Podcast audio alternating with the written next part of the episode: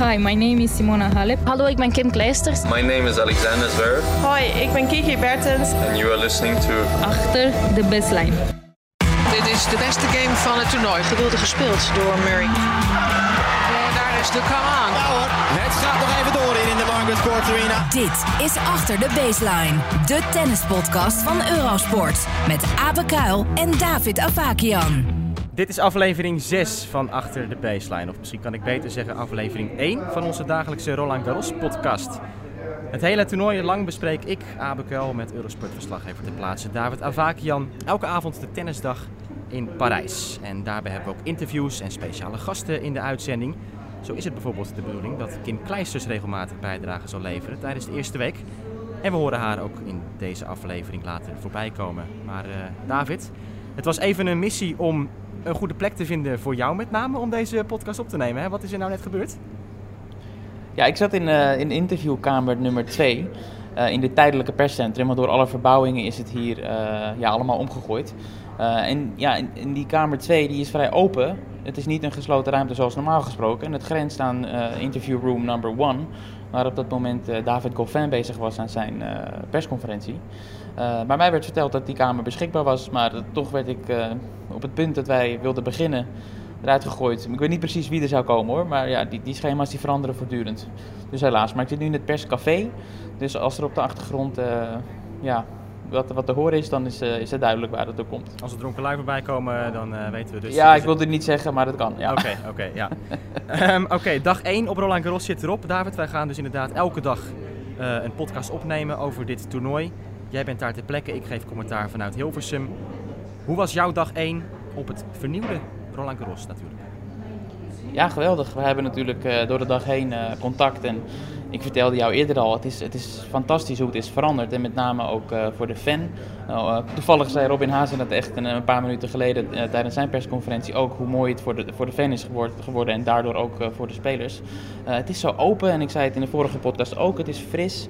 Um, je kan in, in, tegenstelling tot voorgaande jaren heel veel zien vanuit, uh, ja, vanuit één standpunt, als het ware. Je kan banen overzien en dat komt ook deels doordat de banen nu uh, wat lager liggen. Dus je kijkt van boven naar beneden. Dus ja, per definitie, als, als je van boven naar beneden kijkt, dan heb je, heb je een beter uitzicht. En daardoor heeft het een heel ander karakter geworden. Want ja, jij bent hier ook geweest, je weet hoe het was. Je stond vaak urenlang in de rij. Uh, en dan kan je, op het moment dat je in die rij staat, zie je niks. Hè, dan zit je naar zo'n groene wand uh, te kijken. Uh, dat is verleden tijd. Het is, het is allemaal open. De mensen die, uh, die, die, die lopen nog steeds door elkaar heen. Er zijn nog steeds files. Um, dat was mijn ja, vervolgvraag zeg maar inderdaad. Want dit toernooi staat er ook onbekend dat het vrij krap is. Die ruimte, ja, ja dat was een hele discussie in het verleden voordat die verbouwingen werden toegekend. Van moeten we misschien wel Roland Garros op een hele nieuwe plek gaan opbouwen. Hè? Bij, bij Versailles werd over gesproken onder andere. Maar er is toen dus besloten om gewoon ja, een uh, soort dingen te renoveren daar, dingen uit te breiden op deze plek. Hoe beperkt het ook is, het zal nooit echt groot worden daar in vergelijking bijvoorbeeld met wat er bij de Australian Open gebeurt. Maar hoe is nu het gevoel dan inderdaad wat die ruimte betreft en, en de mensenmassa's, et cetera? Beweegt het allemaal wat beter door elkaar heen? Nou, het is iets groter. Hè? Het is wat uitgebreid en uitgerekt. Want dat nieuwe stadion waar we het eerder ook over hebben gehad, dat, is, dat zit bijna in de botanische tuin. Dat grenst eraan. Terwijl dat ook een van de twistpunten was van ja, maar ho, de botanische tuin ligt daar. Hoe gaan we dat uh, combineren? Um, de files die zijn er nog steeds, alleen ze hebben wat, wat slimme aanpassingen gedaan. Bijvoorbeeld, je had een van de meest populaire plekken hier op Roland Garros, was de grote wand met het hele grote Roland Garros logo, waar iedereen altijd uh, foto's bij neemt, van ik ben hier geweest. Die wand die was eigenlijk, ja, die, die lag tussen Philippe Chatrier en Suzanne Langlen in. Echt ja, de slagader, als het ware, van het park. Daar hebben ze dat weggehaald, zodat ja, daar de doorstroming iets, iets, iets soepeler gaat. En niet, dat je niet voortdurend tegen mensen aanloopt die daar staan te poseren. Dus dat is een kleine aanpassing die ze hebben gedaan. Maar over het algemeen, uh, ja, wie je ook spreekt, iedereen is, uh, is, is, is dolgelukkig ermee. Dan wat het tennis betreft. Um, wij weten allebei als je als journalist bij een Grand Slam bent, de eerste week van een Grand Slam, het is niet te overzien bijna wat er allemaal gebeurt. Nou is zo'n dag 1 op Roland Garros op zondag wordt er nog vrij rustig begonnen. Er waren vandaag even kijken, een baan of acht, baan of zeven, acht in, in gebruik. Ja, zoiets. Ja. Uh, met vier partijen uh, op per baan, dus dat is dan nog vrij beperkt. Maar toch kan ik me voorstellen dat het wel weer hectisch voor jou is geweest daar te plekken, David. Dat je soms misschien niet uh, wist waar je moest kijken, waar je moest zijn ook. Nee, klopt. Het is wennen. Het is voor iedereen wennen. Alles is anders. Ehm, en ja, het, idee is misschien dat het feit dat ik hier ben, dat ik daardoor eh, maar gewoon lekker al die wedstrijden zit te kijken in het stadion. Nou ja, niets is minder waar. Je bent voortdurend heen en weer aan het gaan. Mijn basis is het, is het mediacentrum uh, waar vooral de geschreven pers zit en waar de persconferenties worden gehouden en waar de interviews worden gedaan. Um, maar ja, voor Eurosport moet ik natuurlijk aan de andere kant zijn, bij de, de broadcast compound, de tv-zone als het ware. En dat is, dat is echt, daar moet je heen lopen en dat is een afstand. Ja, dat zijn dus echt gescheiden uh, plekken hè, op, het, op het park? Absoluut, ja. ja. En normaal gesproken zijn de mensen die uh, toegang hebben tot uh, bepaalde tv-zones, hebben geen toegang tot de geschreven persruimtes en, en andersom. nou, ik heb nu het geluk dat ik, dat ik een vrij uitgebreide kaart heb gekregen, waardoor ik overal mag gaan en staan. Ehm, dus dat is, dat is top, maar daardoor uh, dat neemt niet weg dus dat ik hier uh, heel veel buiten de banen bezig ben. Uh, ik ben wel vandaag bij de training van Kiki geweest en uitgebreid gekeken. Dus zij trainde met Ashley Barty, over wie wij het uitgebreid gehad hebben. Angstgekner. ja. Angstgekner, angstgekner, ja. nou goed, die, die, twee mogen elkaar heel erg en ja, die, die, die training was, was ook een en al plezier. Veel punten werden er gespeeld. Mooi, mooi publiek ook erbij, geapplaudiseerd. Dus dat was hartstikke leuk om te zien. Dat was aan de voet van Suzanne Langlen. Uh, maar ja, ik, ik, dacht dus aan het begin van de dag, ik ga eens even kijken bij de training van Kiki. En het is heel mooi, want ze traint gelijktijdig met, uh, met Robin Hazen. Nou, Robin op baan 9, Kiki op baan 10. Dus ik dacht, oh dat is mooi, dan kan ik ook daar mooi staan en misschien wat, wat, wat, wat beeldmateriaal ook verzamelen, dat ze naast elkaar trainen. Maar ja, toen pakte ik de kaart erbij en toen zag ik dat er tussen baan 9 en baan 10 uh, koers Suzanne Langlen lag. Dus uh, ja, dat, er zit een heel stadion tussen. Dus het lijkt af en toe dat het dichtbij is, maar dan is het totaal niet het geval.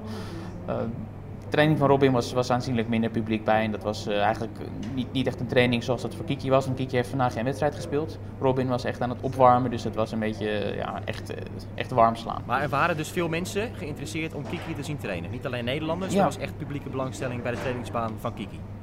Zeker wel, zeker wel. Niet, niet, niet dat er geen, geen plek was om te zitten.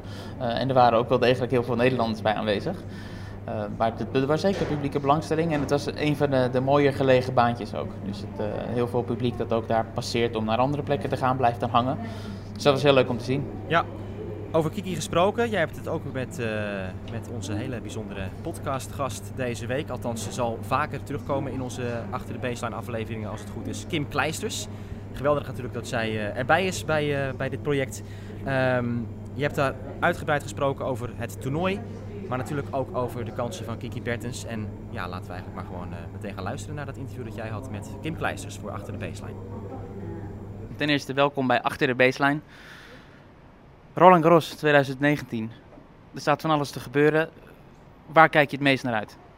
Um, ik ben uh, persoonlijk zelf alweer heel, heel tevreden dat er een, uh, de tweede Grand Slam van het jaar gaat beginnen. Er is altijd een heel lange periode tussen de Australian Open en Roland Garros. Dus um, daar ben ik al heel, um, ja, daar kijk ik zelf naar uit. En ja, er zijn de afgelopen weken in de voorbereidende toernooien toch wel een aantal dingen gebeurd. En dus het is leuk om, om de speelsters en de spelers in de gaten te houden die, die daar goed gepresteerd hebben. En kijken of ze de verwachtingen kunnen blijven invullen tijdens deze Grand Slam. Als we een heel klein beetje inzoomen, de verhaallijnen, welke springen er voor jou uit? Um, uiteraard Kiki Bertens is voor mij iemand waar dat ik um, denk ik vanaf het begin van het toernooi toch wel um, ja, wat meer aandacht ga aan besteden. het is altijd een meisje geweest die ik de laatste jaren toch wel enorm heb zien evalueren. Zowel fysiek als op de baan, maar ook, ook uh, als ook mentaal. En ik denk dat ze daar de laatste, de laatste maanden nog een, een extra stap, uh, omhoog gegaan is. En, dus het is heel leuk om te zien dat zij nu in een, in een favoriete rol staat en, en om te kijken hoe dat ze daarmee kan omgaan. Je noemt haar favoriete rol. Hoe schat je haar kansen in? Maakt ze echt wel kans op, uh, op de titel? Kijk, ik, ik vind het moeilijk om van die uitspraken te doen, omdat, uh, omdat je weet dat er nog zoveel moet, moet gebeuren om daar te geraken. Maar ik denk wel dat zij alle kwaliteiten heeft om dat te kunnen doen. Uh, maar in een Grand Slam is, heb je ook wel wat geluk nodig en alles moet op de juiste plaats vallen. Maar uh, ik denk zeker dat zij alle kwaliteiten heeft om, om hier te kunnen winnen. Maar, maar er zijn ook nog een aantal andere meisjes die die kwaliteiten hebben. Ze is nu als vierde geplaatst. Jij hebt ook in die positie gezeten dat je voor het eerst een bepaalde ranking haalde. Wat, wat doet dat met je? Ja, dat is natuurlijk toch een, een, een iets of wat ander gevoel. Je probeert ehm, bij jezelf en, en het team rondom je probeert die druk wel wat af te houden. Maar, maar ja, waar dat je rondloopt of, of elke persconferentie dat je moet doen, wordt daar natuurlijk wel uh, naar gevraagd. Ehm, en dan is het ja, toch belangrijk om met, met het team waar dat je het nauwst mee samenwerkt, om daar goed mee te kunnen omgaan. En, uh, en om uh, het plezier erin te houden. Dus dat je die focus kan, of dat je leert pieken op de juiste momenten. En want een Grand Slam is twee weken lang zeven wedstrijden. En dan is dat heel lang als je 24 uur per dag bij wijze van spreken alleen maar met dat tennisgedeelte bezig bent. En ik denk dat zij daarom ook wel de, juiste mensen rondom haar heeft om, uh, om die, ook wat voor die afleiding te zorgen.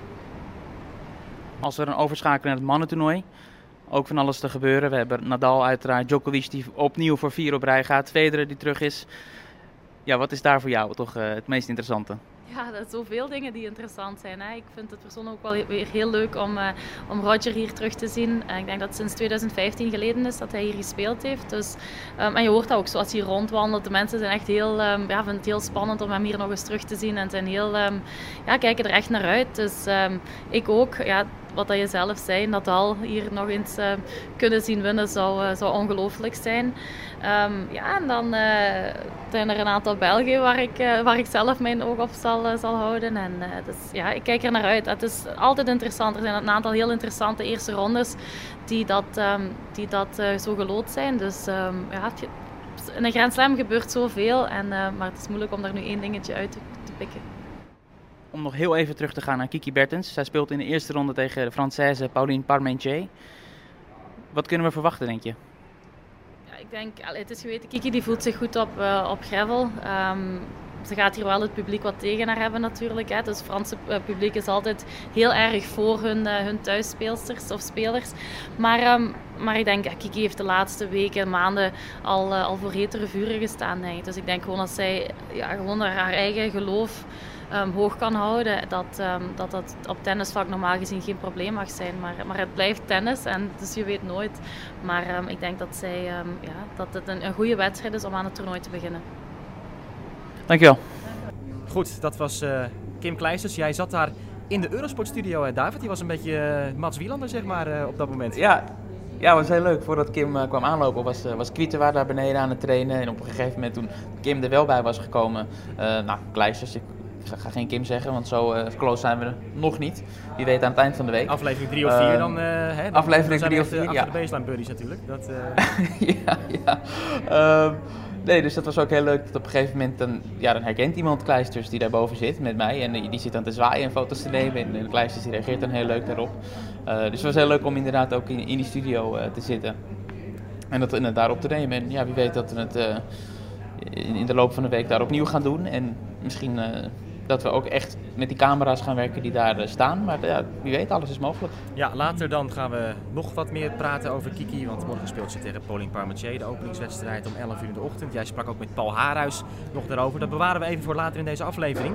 Want eerst gaan we even verder in op de prestatie van Robin Haase vandaag. David, jij hebt dat uh, van dichterbij meegemaakt en ik. Grappig dat ik wel toevallig achter de microfoon zat hier in Hilversum bij, uh, bij Eurosport voor die partij. Ja, ik vond Haas uh, bij Vlagen echt heel goed spelen. Maar hetzelfde gold voor ja. Koolschrijver. De statistieken van beide spelers waren fantastisch. Um, ja, en hij is op kwaliteit geklopt, denk ik, vandaag gewoon Haas. Zeker, zeker. En, en, en, en Haas accepteert het ook. Hij heeft het zo gezegd net in de persconferentie. Echt een toppersconferentie overigens. Af en toe is het na nederlagen natuurlijk uh, ja, maar de vraag hoe dat gaat. Maar hij was heel erg redelijk en uh, een hele heldere blik op wat, wat er gebeurd was. Uh, maar ja, die wedstrijd inderdaad, 6-4, 6-4 uh, eerst voor, voor Koolschrijver, toen de tiebreak 7-6 voor, voor Robin en de laatste set 6-1. ja, af en, zeker in die derde set die, die, die Haase pakte, was het niveau van hem. Wacht even, nog, wat, wat zijn die aankondigingen op de achtergrond die we horen daar? ik, ja, over 10 minuten gaan, gaan de poorten dicht voor het publiek. Ah. Dus dat, uh, dat is wat je hoort op de achtergrond. En dat wordt dan in het Engels en in het Frans uh, omgeroepen. Dus de mensen, dus dat, de mensen moeten wegwezen nu. Het is vijf over half tien in de avond. Ja, ja precies. Het, ze, ze moeten weg en het park moet natuurlijk weer helemaal opgelapt worden voor de dag erna. ja, terug naar, naar Robin. die speelde overigens op, op Court 1. Waar hij vorig jaar ook speelde en verloor van David. Goffin. David Coffin. David Goffin in vijf sets. Eh vechten tegen de duisternis ook. Ja, nou, ik- dat was er nu ook dichtbij. Ik, ik, ik zag nog een parallel, want hij won vorig jaar de eerste twee sets met 2 keer 6-4. Vandaag verloor hij de eerste twee sets met 6-4 van Koolschrijber. Dus het had eh, in zekere zin misschien helemaal eh, de andersom dus kunnen vallen Ja. vandaag voor Hazen. Maar ja, helaas niet. Ja, hij, hij, hij, hij speelde echt bij Vlagen, zoals je zelf zegt, echt heel hoog niveau. Eh, waarbij het gevaar wel eh, was, dat- althans dat gevoel had ik, van als hij dit niet vast weet te houden en eventjes een dipje heeft, dan, ja, dan kan het zo weer omslaan. En de kansen die hij ook creëerde eh, in die eerste paar sets, ja, daar lukte het toch niet om die te pakken. Nou, in de, in, in de derde set lukte dat dan uiteindelijk wel. En in de, in de vierde set gaf- hij net aan dat hij echt zijn knie weer op was. Ah, Bij 4-1 oké. kon hij niet meer. En ja, wat is er dan met zijn knie? Dat loopt gewoon vaak vol met vocht. En de persconferentie, het eerste wat hij ook zei was: Als jullie het niet erg vinden, dan ga ik staan. Dus eh, stoel weg. Hij heeft de hele conferentie staand gedaan. Ehm, ja, het, is geen, het is geen nieuws voor hem. Hij heeft dit eigenlijk eh, bij elke wedstrijd die, eh, die enigszins uit de hand loopt. Hij heeft drie uur op de baan gestaan nu ook. Dus het was geen verrassing. Hij zei nog, ik had eigenlijk in, die, in die vierde set niet moeten gaan zitten bij een van die laatste wissels. Ik voelde al dat het eraan zat te komen. Dan moet je eigenlijk gewoon blijven staan en dat laten doorbloeden. Ehm, nou, Nou, het is mooi dat jij dat zegt, want jij, jij brengt het heel, heel nuchter en je weet van dit gebeurt vaker inderdaad. Maar de mensen thuis die, die, die zien het natuurlijk niet. Die weten niet dat Haase gewoon heel vaak na een partij zich zo voelt dat hij gewoon strompelend naar ons als eh, journalisten toe komt met die knie die dan echt Ja. helemaal op is.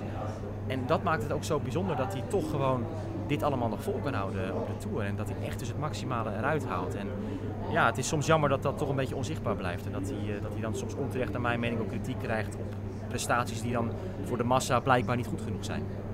Ja, nee, helemaal met je eens. En eh, hij had het daar ook enigszins over. Hij had het over het plezier wat hij heeft in zo'n wedstrijd. Zijn coach eh, Raymond Knaap, de derde vraag die hij hem stelde na de wedstrijd was: Heb je wel lol gehad tenminste? Eh, waarop hij antwoordde: Ja, dat soort vragen, het, hangt van het moment af. Op dit moment ja, is mijn eerste, tweede en derde gedachte natuurlijk frustratie. Van A, wedstrijd verloren, B, knie doet weer pijn. Eh, en pas op een laat, in een later stadium, en misschien morgen zal hij er anders over denken en zal eh, het plezier meer naar voren komen. Dus ja, die knie die houdt hem eh, tegen. Maar wat je zegt, het is knap wat hij toch weet te, te bewerkstelligen. Laten we ter afronding van dit onderwerp even nog luisteren naar Robin Haase zelf in de persconferentie. Een klein fragmentje daaruit. Uiteindelijk eh, is hij twee sets lang de betere. Eh, ik denk als je het gewoon kijkt dan de derde set heb ik denk ik misschien ja, verdiend gewonnen. Eh, ik had natuurlijk eigenlijk al de kansen. Eh, maar ja, en uiteindelijk eh, in de vierde eh, is hij dan, neemt hij de overhand. En, eh, eh, ja, dat, dus ja, het, is jammer dat het dan uiteindelijk zo loopt, omdat je inderdaad het gevoel hebt van, nou ja, dit zit er nog meer in. En dus helaas het doek gevallen voor Robin Haase vandaag met de eerste ronde nederlaag tegen een sterke Philip Koolschrijber. Gaan we naar de andere resultaten van de dag, David. En het begon natuurlijk gelijk al met een grote verrassing dit toernooi. De eerste wedstrijd op het Cours Philippe Chatrier. Angelique Kerber op jacht naar haar carrière Grand Slam. Ja, niemand die er echt heel veel kansen voor gaf dit jaar, omdat ze hier naartoe kwam met enkel problemen die ze opliep in Madrid. En ze verloor van een eh, jonge Russin. David, hoe ging dat? Ja. Spreek jij eens uit die naam? Dan ben ik wel benieuwd naar hoe jij dat doet. Die Russin. Officieel is het Anastasia Potapova volgens mij. Nee, nee, nee. Het is Patapava. Patapova, Ja, ja. ja? Vriendje Ja. met? ja. Nee, dat is echt zo. En, eh, zij, is, zij is echt piepjong. Ze speelde voor het eerst eh, zo'n wedstrijd hier op Roland Garros in de main draw. En dan meteen eh Angelique Kerber pakken. Nou ja, goed, je zegt grote verrassing. Ja, enerzijds wel. Anderzijds ja, werd toch weinig verwacht van, van Kerber in haar fysieke toestand. Wat ik wel eh, grappig vond, want ik weet nog in Madrid toen liep ze die enkel blessure op en ik heb die persconferentie toevallig gezien daar. En toen kreeg ze de vraag in Madrid van hoe groot is de kans denk je dat je in Rome gaat spelen? En toen reageerde ze helemaal van ja, die, die kans is heel groot. Want volgens mij als ik een paar dagen rust eh, geef aan die enkel, dan komt het wel weer goed. Dan kan ik in Rome gaan spelen. Maar ja, dat is dus toch echt een, een groter probleem aan het worden, of geworden voor Kerber dan ze had gedacht. En ehm, weer een deceptie dus voor de Duitsers hier in Parijs. Het is wel goed nieuws trouwens, David, voor iemand die ik jammer genoeg niet heb genoemd in onze preview podcast. Want we hadden eigenlijk ook Dark Horses moeten bespreken toen we het hadden over het analyseren van de schema's. Want ik ben vorige week echt eh, helemaal gek geworden van Diana Jastremska. was niet de eerste keer dat ik haar zag spelen, maar ze won het toernooi in Strasbourg. En oh, oh, oh, dat was zo goed tegen Sabalenka, halve finale. Die blies ze weg. De finale won ze van Garcia, had ze matchpoint tegen. Maar de power zo makkelijk tegen een Sabalenka bijvoorbeeld ook gewoon. eh, zelf het spel domineren. Nou, we weten hoe goed Sabalenka is. Jastremska, die, zat in het, eh, die zit in het speelschema daar bij eh Angelique Kerber. Dus ik zit stiekem een beetje te juichen dat Diana misschien wel eens de, de toernooiverrassing kan worden hier. Ja, is het weer zover? Je hebt eh, zo, zo om zoveel tijd heb je wel weer zo'n zo'n type ertussen waar ik dan helemaal achter ga staan. dus Di- Diana Jastremska. Ja, ik heb haar eerder dit jaar ook een keer gezien. Het was een opmerkelijke wedstrijd tegen, als ik me niet vergis, eh Ayla. Ja, ja, was finale ook een in finale. Thailand. En, en, en dat ging alle kanten op. En ze, ze, ze ging van de baan af en ze, ze sloeg de ene dubbele fout naar de andere dubbele fout. Het was echt één grote rommel. en er was 5-2 wat, in de spanning. derde set en ze wonnen die finale nog. Ja. Het, eh, het was wel een Ja. beetje een dubieus momentje, want toen vroeg ze een medical time-out eh, aan. En nou ja, goed. Ja, ze heeft drie titels nu hè? Drie titels, ze is net 19 geworden. Ja, dus dat is echt Ja, een naam om, hartstikke eh, knap. om in de gaten te houden. Goed, we gaan niet deze hele podcast vol praten over Diana Jastremska. Hopelijk eh, komt hij later dit toernooi nog aan bod. Zij moet spelen tegen Carla Suarez Navarro. Ik meen dat dat een wedstrijd is van, eh, van morgen. Ehm, heb ik niet eens gecheckt, maar dat, dat denk ik wel. Dat gaan we dus zien. De verrassing bij de vrouwen dus gehad. Angelique Kerber. Bij de mannen de uitschakeling van Marco Cecchinato. Vorig jaar halve finale gehaald. En eh, ja, dat ging nu mis. Heel opmerkelijk tegen Nicolas Mahut. Hij stond 2-0 in sets voor tegen de Fransman. En verliest toch in vijf sets. Marco Cecchinato. Ja, en op die fantastische nieuwe baan, de kasbaan. Eh, dus die, eh, die baan heeft echt op, op speeldag 1 al een echte vuurdoop gehad, kan je wel zeggen. Met een Fransman die daar zo'n zo'n ontsnapping laat zien. Mahu die overigens eh, opmerkelijk genoeg nog geen wedstrijd had gewonnen dit jaar. En nu ineens dit flikt op gravel. Ja, bizar. Echt, eh, echt heel opmerkelijk. Hartst- Hartstikke knap. En Jackie Nato, ja, ja, we weten het allemaal nog. eh, die, die wonderbaarlijke reeks, waaronder hij ook Djokovic versloeg, uiteraard. Ehm, nou, dat is een heel verhaal op zich wat er toen met Djokovic gebeurde. Ja, nee, zeker een verrassing. Hij verliest dus, Waarschijnlijk. dus veel punten. Ja. Die baan is inderdaad eh, die Simon Mathieu, Mathieu-baan, waar we het over hebben. Hm. Die, eh, die baan in de kassen. Inderdaad, een prachtig programma. Gelijk op de eerste dag Muguruza, kampioene van 2016, kwam terug van een set achterstand, won van Taylor Townsend.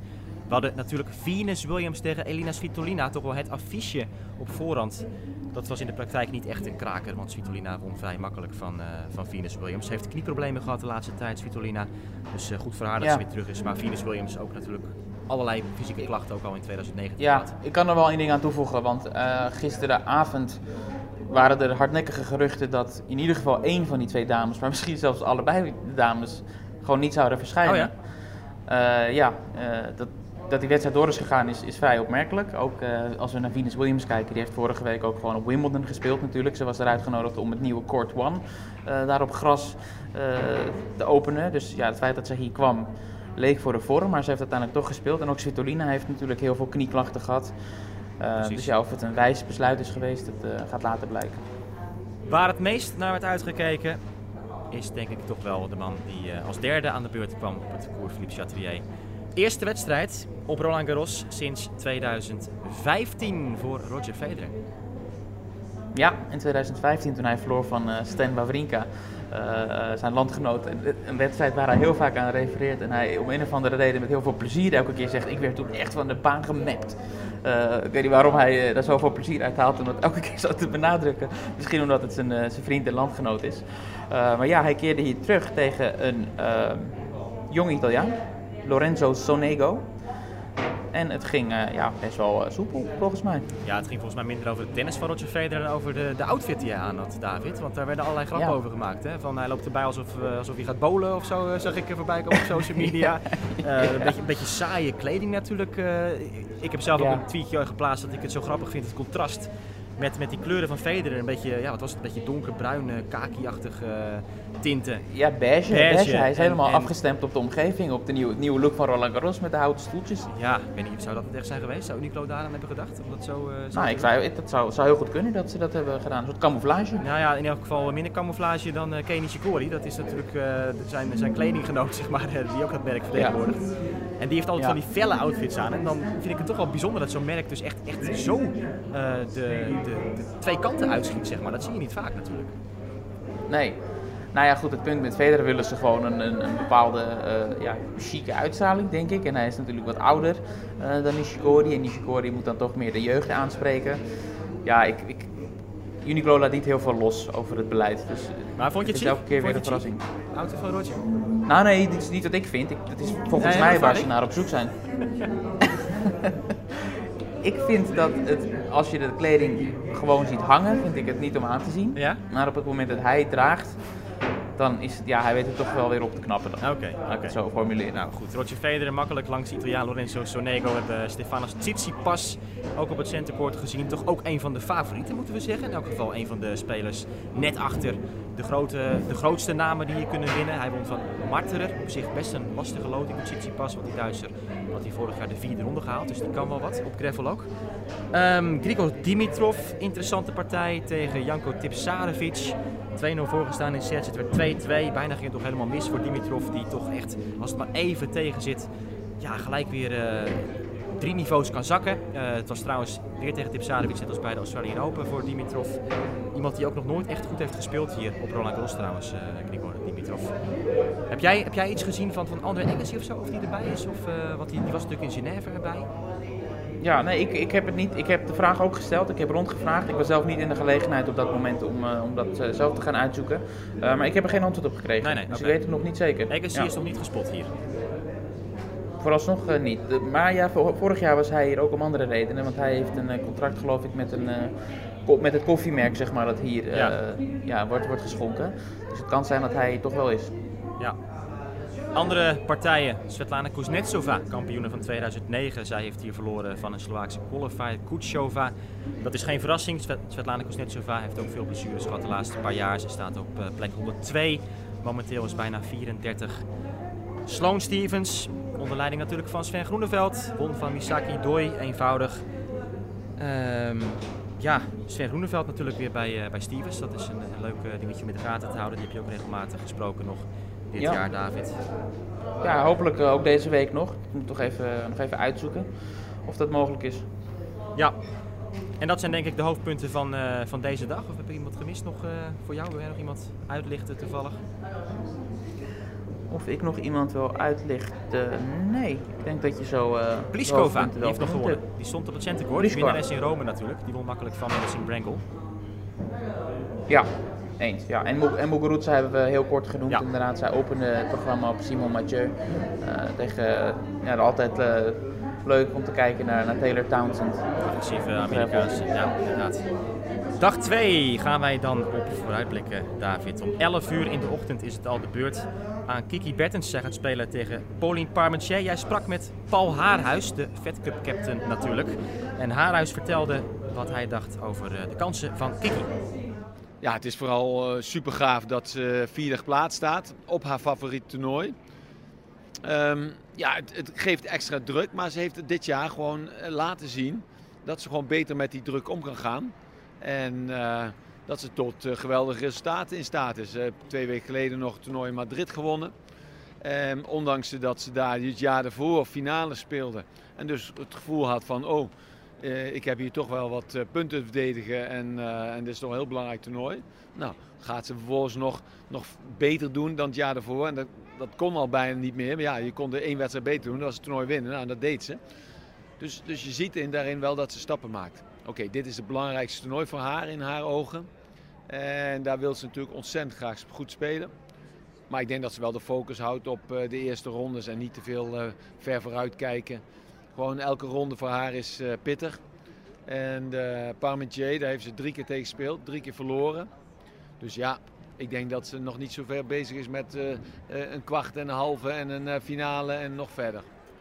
Kiki kan zeker het toernooi winnen, absoluut. Als jij Rome kan winnen en daarin eigenlijk iedereen verslaat. Ik bedoel, alle favorieten voor de titel deden mee in Madrid. Nou, en, en, ook, die werden ook nog eens door haar verslagen. Dus niet alleen deed die mee, maar ze kwam ze ook nog tegen. Ja, dan kan je ook op dat op Roland Garros doen. Ehm, maar ja, eh, dus, dus zij is zeker een van favorieten en een van de kanshebsters. Eh, maar ik zou haar niet dé grote favoriet noemen, omdat eh, dat in mijn opzicht, eh, dat is Halep in mijn opzicht. Omdat hij al een keer dit toernooi heeft gewonnen, is al vaker eh, in de finale van Grand Slams geweest. Staat al langer nummer 1. Gaat al veel langer met die druk om. En speelt gewoon heel goed op gravel. En, uh, maar Kiki kan het zeker winnen, want dat heeft ze ook in Madrid laten zien.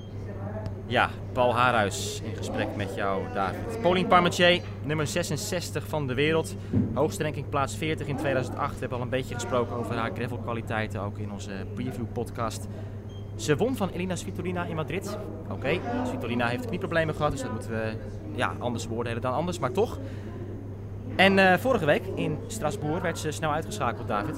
Van wie denk je dat ze verloor? Jij gaat nu Ja, heel serieus nee, nadenken. nee. Jij gaat nu heel serieus nadenken. Diana Jastremska. Ah, Daar hebben ja, we ze weer. natuurlijk. Inderdaad. Als, je, als, je, als, jij, als jij voortaan zo'n vraag stelt, dan, eh, dan weet ik het antwoord. Ja, precies. Ehm, maar Parmentier, ja, het, het is gewoon heel wisselvallig. Ze heeft in de kwalificaties Rome verloren van de nummer 458 van de wereld. Dat is eh, een week nadat ze van Svitolina won in Madrid. Parmentier, normaal gesproken, David, hè, moet het kunnen toch?